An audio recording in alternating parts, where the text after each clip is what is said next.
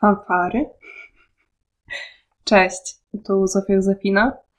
Dzisiaj przychodzę z kolejnym odcinkiem podcastu. Znowu po przerwie, bo znowu się działo. nie, no serio, jakby yy, gadka jak zawsze, nie? To jest na moich zasadach. Witajcie z powrotem. Kiedy jestem, to jestem. Kiedy żyję, to żyję, a kiedy nie żyję, to jest trochę gorzej, ale dalej żyję. E, słuchajcie, słuchajcie, co się u mnie ostatnio dzieje. Może zacznijmy od tego, że jest dużo fajnych, miłych rzeczy, chociaż dzieją się również takie trochę mniej przyjemne, związane z dorosłowywaniem moim, tak zwanym, z, którym, z którymi po prostu z tymi rzeczami muszę sobie poradzić jakoś, przebrnąć przez to i, i po prostu dalej postarać się wrócić na prostą. Ale tak ze wszystkim, to jak zawsze jakby nie z takimi rzeczami sobie radziłam. No, słuchajcie. Um, wróciłam do śpiewania. Strasznie się cieszę, kiedy o tym mówię. Dlatego, że śpiewanie jest poniekąd moją taką dość um, dużą pasją, którą latami gdzieś tam pielęgnowałam, ale nigdy profesjonalnie, nigdy jakoś tak wiecie. No, nie byłam, nie byłam dzieckiem, które ma ukończone szkołę muzyczną. Nie, nie byłam dzieckiem, które rodzice wysyłali na e, dodatkowe zajęcia z lekcji śpiewania i tak dalej. Wszystko zaczęło się od gimnazjum. Tak, od gimnazjum, kiedy w sumie byłam w chórku szkolnym. Wiecie, to taki bardzo amatorski epizod. No, a potem, potem w sumie uczestniczyłam w jakichś tam różnych warsztatach muzycznych. E, a w liceum, w liceum przez pół roku byłam w chórze. E, takim, wiecie, takim, no, bardzo klasycznym. I nie powiem, no, sporo się tam nauczyłam, dużo, jeżeli chodzi o samą taką technikę śpiewu. Naprawdę dało mi to fajne podstawy. I, I pomogło mi się rozwinąć, dlatego że ja mam ogromną tremę przed występowaniem e, takim wokalnym, solowym. Jeżeli ja mam coś zaśpiewać sama, przed jakąś taką publicznością, to ja automatycznie zaczynam fałszować ze stresu. To jest, to jest niebywałe, dlatego że wiecie, no ja od dziecka też występowałam na scenie w teatrze więc takowe wystąpienia publiczne nie sprawiają aż takiego dużego problemu. To, to, to nie jest coś, przez co nie dam rady przebrnąć. Jednakże, jeżeli chodzi o śpiew, po prostu nie mam tej wiary w siebie. No, ale, ale co, no, porzuciłam ten chór po pół roku z różnych względów. E, no i poszłam na studia Niestety realia we Wrocławiu są takie, że jeżeli chcesz iść na jakieś zajęcia ze śpiewu, chcesz uczestniczyć w jakimś chórze, nie mówię tutaj o chórze, nie wiem, Polibudy, czy chyba uniwersytet też ma jakiś chór, no ale ja nie chciałam tak do końca śpiewać klasycznie. No to, to trzeba po prostu wyłożyć jakieś pieniądze dość spore. Dlatego, że tam trochę się orientowałam na początku studiów w tym temacie, chciałam gdzieś dołączyć, coś zrobić, żeby nie śpiewać tylko pod prysznicem i e, sama sobie tylko no, ćwiczyć, ćwiczyć, to, to też mi sprawia dużo radości. E, no ale ten pomysł porzuciłam właśnie ze względów finansowych. E, jednakże ostatnio, e, póki nie skończyły mi się zajęcia stalne, byłam u rodziców e, w tym moim mieście rodzinnym i no tak z ciekawości, trochę tak z ciekawości uznałam, że też potrzebuję, to był taki dość trudniejszy czas dla mnie i potrzebowałam po prostu um, jakiejś takiej dodatkowej aktywności, która, przepraszam, pomogłaby mi no, trochę rozładować napięcie, trochę jakoś się wyluzować, jakoś tak zrobić coś dla siebie. Ale wiecie, mm, no może inaczej. żeby to tak dobrze nakreślić. Mnóstwo rzeczy, które niby ja robiłam dla siebie, które były jakimiś moimi pasjami, wiązały się z tym, że ja mnóstwo czasu i energii poświęcałam innym osobom. I w końcu chciałam zrobić coś, co byłoby dla mnie, że ja byłabym wyłącznie odbiorcą, czy tam biorcą, a nie musiałabym nic z siebie takiego dawać innym. No i e, weszłam na stronę Ośrodka Kultury i okazuje się, że e, w, mo w moim rodzinnym Ośrodku Kultury e, działa zespół e, śpiewu tradycyjnego. I zajęcia odbywają się dwa razy w tygodniu po półtorej godziny. I to kosztuje tylko i wyłącznie 40 zł miesięcznie. Rozpadał się dość mocno deszcz, także jeżeli coś będzie w tle, to to jest deszcz. Ojej, jak pada. Dzisiaj było przepiękne słonko, aż sobie nawet całą sesję zrobiłam przy oknie. Bo naprawdę no, y, zachwycam się, zachwycam, bo czekam na wiosnę, ale ostatnio spadł znowu śnieg, więc e, poczekam jeszcze trochę na tę wiosnę. Wracając, 40 zł miesięcznie, przecież to jest tyle co nic. więc, więc um, ruszyłam, e, dołączyłam. E, taki fun fact jest też taki, że po niespełna dwóch próbach e, dziewczyny wzięły mnie na koncert. E, powiedziały, że po prostu szybko łapie. Bo wiecie, jakby te melodie nie są aż takie. Nie no, melodie czasami są trudne, ale jeżeli chodzi o wymagania wokalne, to jest zupełnie inna taka szkoła jazdy. Bo w śpiewie klasycznym te wszystkie dźwięki muszą być takie. Ja zawsze to mówię, że one są takie okrągłe i soczyste przy śpiewie tradycyjnym, przy tym śpiewie białym, no często te dźwięki są płaskie i są, można byłoby rzec, trochę takie niepoprawne, jeżeli chodzi o technikę, no ale właśnie to ma swój charakter. A one są właśnie takie jedyne w swoim rodzaju i to mi się tak cholernie podoba. Um, taka, taka właśnie zabawa e, tym dźwiękiem i momencie, kiedy człowiek przestaje się tak spinać, jeżeli chodzi o tę technikę, żeby te wszystkie dźwięki były no, wypuszczane z ciebie tak świadomie, żeby wiedzieć, którymi mięśniami pracować, e, jak układać jamę ustną, co tam, wiecie, który rezonator pracuje i, i tak dalej, i tak dalej. Kiedy przestajesz się tym martwić, okazuje się, że potrafisz z siebie wydobyć takie dźwięki, o których nawet nie miałeś pojęcia, a które są świetne. W sensie są, są właśnie takie charakterne i przepiękne. Um, niestety teraz jestem na um, ponad tydzień. Tak, przyjechałam na ponad tydzień do Wrocławia, dlatego że ach, dwa tygodnie przed świętami moja uczelnia uznała, że nie, że jednak musimy pojawić się stacjonarnie. Także musiałam się tutaj pojawić e, trzy razy w instytucie, no ale mam też inne rzeczy, które na miejscu muszę trochę pozałatwiać.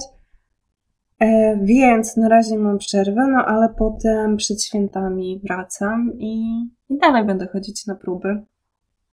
No co prawda wiem, że e, to się niebawem skończy, dlatego że no w maju e, będę musiała być we Wrocławiu już tak e, powiedzmy w cudzysłowie na stałe.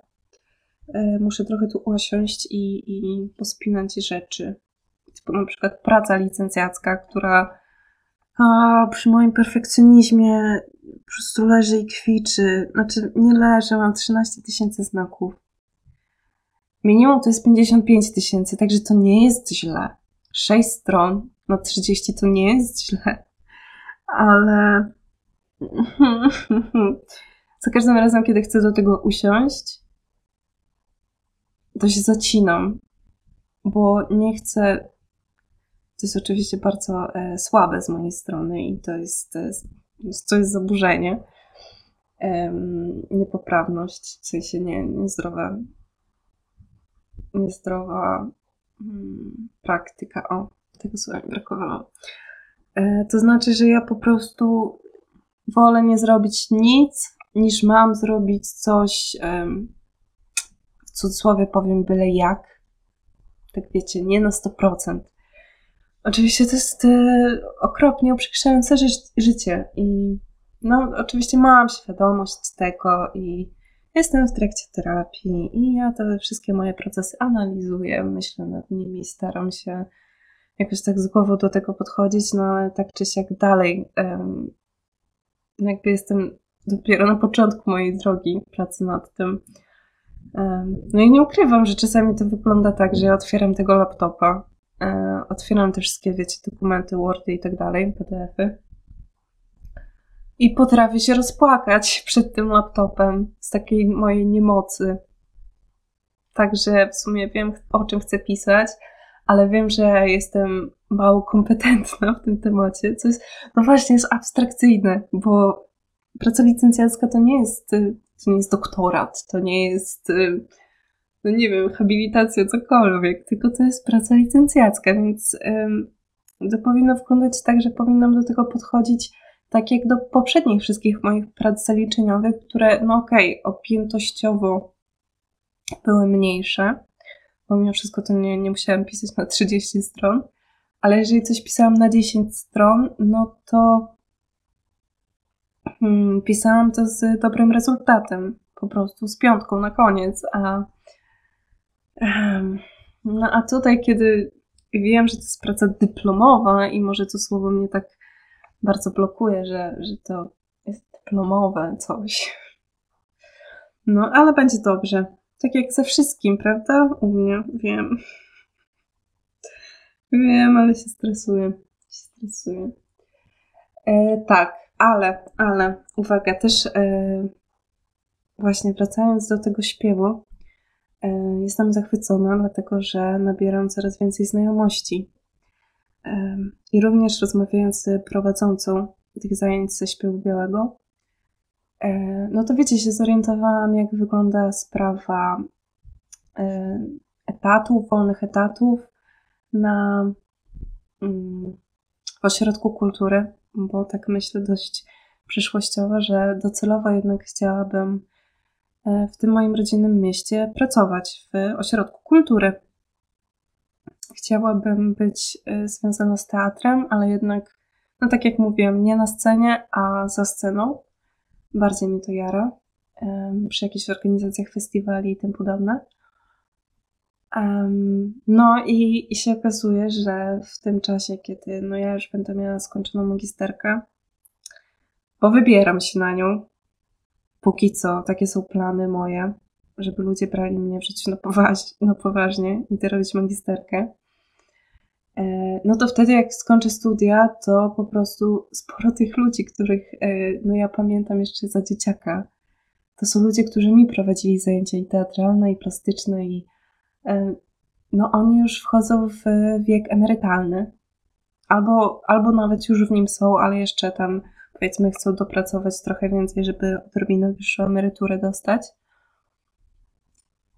No i się okazuje, że, że tych etatów będzie więc trochę tak zacieram ręce i, i czekam.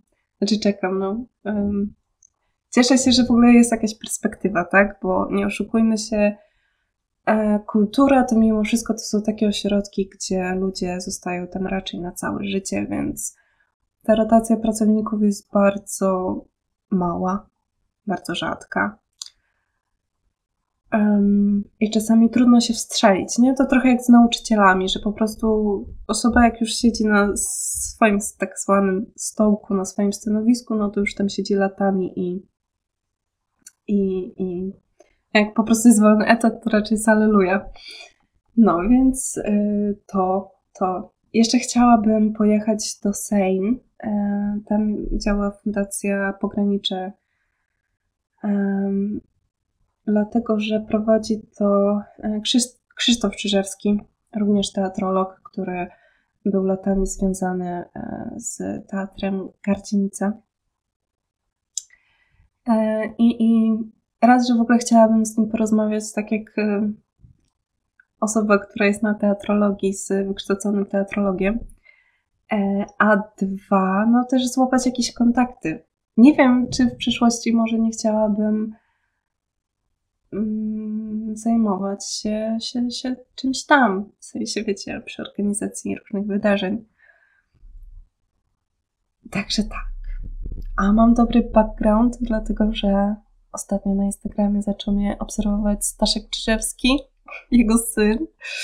Nie się jaram. E, wiecie co? Dlatego, że e, Staszek wiele lat grał e, na kontrabasie, głównie na kontrabasie, w domowych melodiach. No, a ja słuchałam domowych melodii, nawet byłam na koncercie, więc człowiek, który tworzył muzykę, która po prostu latami ze mną była, obserwuje mnie na Instagramie. Fajnie. No, więc tak. Więc to. Um, jeszcze się udzielam w Muzeum Teatru, dlatego że odbywam tam moje praktyki. I jestem też zachwycona, dlatego że kobieta, która sprawuje nad nami pieczę, dlatego że poszliśmy tam w trzy osoby, e, jest cudowna, jest po prostu do rany przyłóż i to jest kobieta z ogromną wiedzą i, i daje nam po prostu dużo możliwości.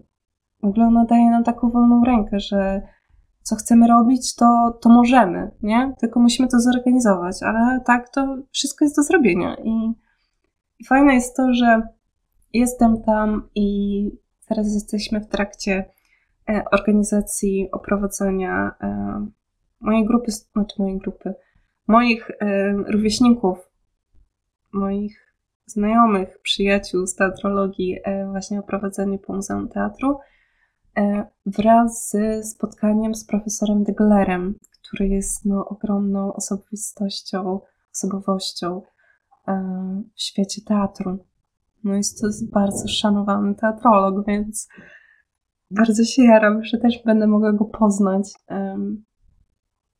Lubię, lubię po prostu otaczać się osobami, które są w sensie wykształcone, że mają wiedzę przede wszystkim, jakoś coś po sobie zostawiają w tym świecie. E, jakiś czas temu, bodajże, ojej, to było w marcu, czy jeszcze nawet w lutym, tego nie pamiętam, e, odeszła od nas Krystyna Meissner, wybitna reżyserka teatralna. Wybitna. E, ona również stworzyła festiwal teatralny Dialog przy którym miałam okazję e, no, pracować wolontariacko. E, no i no ja powiedzmy, że znaczy, no, osobiście może nie poznałam, nie, nie, nie podchodziłam, nie przedstawiałam się, nie zagadywałam, ale jednak e, widziała nas wolontariuszy e, przy stoliku e, na bankiecie po festiwalu mm, ostatnim.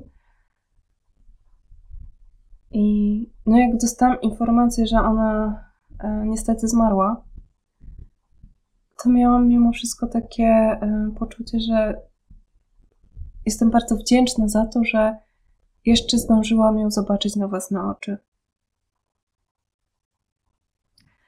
Także chciałabym po prostu jak najwięcej tych ludzi poznawać, hmm, łapać kontakty, żeby mieć też co wspominać. No, tak, to chcę, to bardzo chcę. Oprócz tego, oprócz tego jestem w trakcie czwartego kursu teatru dokumentalnego. Znaczy, to jest ta czwarta edycja kursu dokumenta teatru dokumentalnego, um, który jest prowadzony przez e, Instytut Krotowskiego. I tak sobie wymyśliłam po prostu, że oprócz napisania licencjatu, to napiszę też sobie scenariusz, bo why not? Jestem młoda. Nieważne, że płaczę, kiedy otwieram laptopa. A, także nie wiem, jak. Znaczy, może inaczej. Bardziej większą staranność um, przykładem właśnie do licencjatu niż um, do tego scenariusza. Takie mam wrażenie, że um, w ogóle też udział w tym kursie był taki dość spontaniczny, dlatego że napisała do mnie znajoma z teatrologii, że hej, hej, ja bym w sumie chętnie poszła, ale boję się, że jak pójdę sama, to za często, zbyt często będę opuszczać spotkania i w sumie poszliśmy we dwie. No i jestem bardzo wdzięczna za to, że mnie namówiła, że mi zaproponowała. Bo to też jest fajne przeżycie i poznawanie, poznawanie po prostu dużo uzdolnionych osób. W ogóle w tym kursie biorą osoby, które na przykład studiowały, czy dalej studiują reżyserię, którzy to są osoby, które zajmują się zawodowo już aktorstwem i są gdzieś tam nawet w różnych teatrach już no, gdzieś tam znane. Więc no to, to też jest fajne, takie wymiana po prostu doświadczeń i, i poznawania ludzi. I w ogóle jak się okazuje, jaki ten świat jest mały. Um, bodajże, właśnie za każdym razem zapominam tego sprawdzić. Nie pamiętam, czy to pisała Kaśka Nosowska w jednej ze swoich książek, czy to było w, staty- w statystycznie rzecz biorąc Janiny Bąk, ale pamiętam o zasadach dwóch osób do Baracka Obamy. Chodzi o to, że ty znasz osobę, która zna osobę, co zna Baracka Obamę. Kiedyś w to nie wierzyłam, ale teraz, teraz to wierzę na 100%. Naprawdę, to jest tak, że na przykład um, poznałam dziewczynę na tym kursie, która studiuje w Krakowie, no i generalnie głównie siedzi albo w Krakowie, albo w Warszawie. Ona jest z Sejn. To jest niedaleko mojej mm, rodzinnego miasta. No i nie mamy e, żadnych wspólnych znajomych, no ale tam mam znajomego właśnie z tamtych okolic i się spytałam, czy może kojarzysz tę dziewczynę. A on powiedział, że e, no w sumie ją poznał, ale nie dlatego, że ona jest sane, tylko dlatego, że była w związku z jego bratem, który jest z Warszawy. Wiem, że jak opowiadam to, to jest to śmieszne, ale no ale mi to rozwala czasami głowę, nie? W sensie to powiązanie. Że tak ludzie się wzajemnie znają po całej Polsce. Albo też no, to nie będę opowiadać. No to chyba już za bardzo mm, prywatne rzeczy pewnej osoby, ale. No ale tak czy inaczej, świat jest mały. I ja już naprawdę wierzę, że ode mnie do Baracka Obamy stoją, e, stoją między nami po prostu dwie osoby. Tak, tak, tak uważam. Tak uważam. Ojejku, ojejku, ojejku. A o czym by tu jeszcze rozmawiać? nie wiem, ostatnio w ogóle miałam bardzo dużo tematów do poruszenia. Bardzo dużo. O, wiem, wiem, to y, możecie już mną gardzić. Oświadczam wszem i wobec. To jest ogłoszenie parafialne. Możecie już mną gardzić. Um, nagrałam dzisiaj pierwszego TikToka. Tak, wiem, mam 24 lata.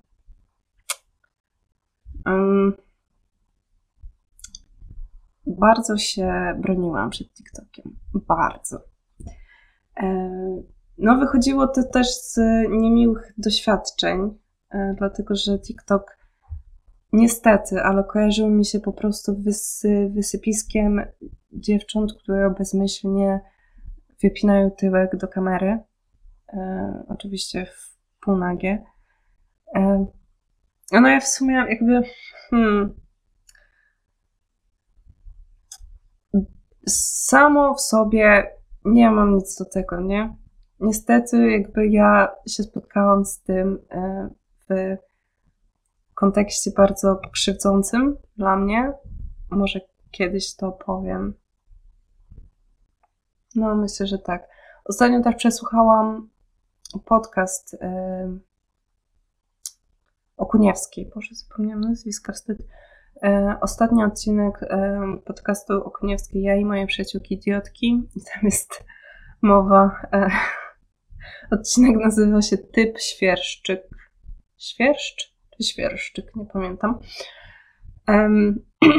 No i wiecie, no tam jest mowa o osobach, które może nie są uzależnione, tylko ta ich relacja z seksem jest niezdrowa. No to E, jest zaburzona. O, to są zaburzone. Za... chodzi o zaburzoną relację z seksualnością.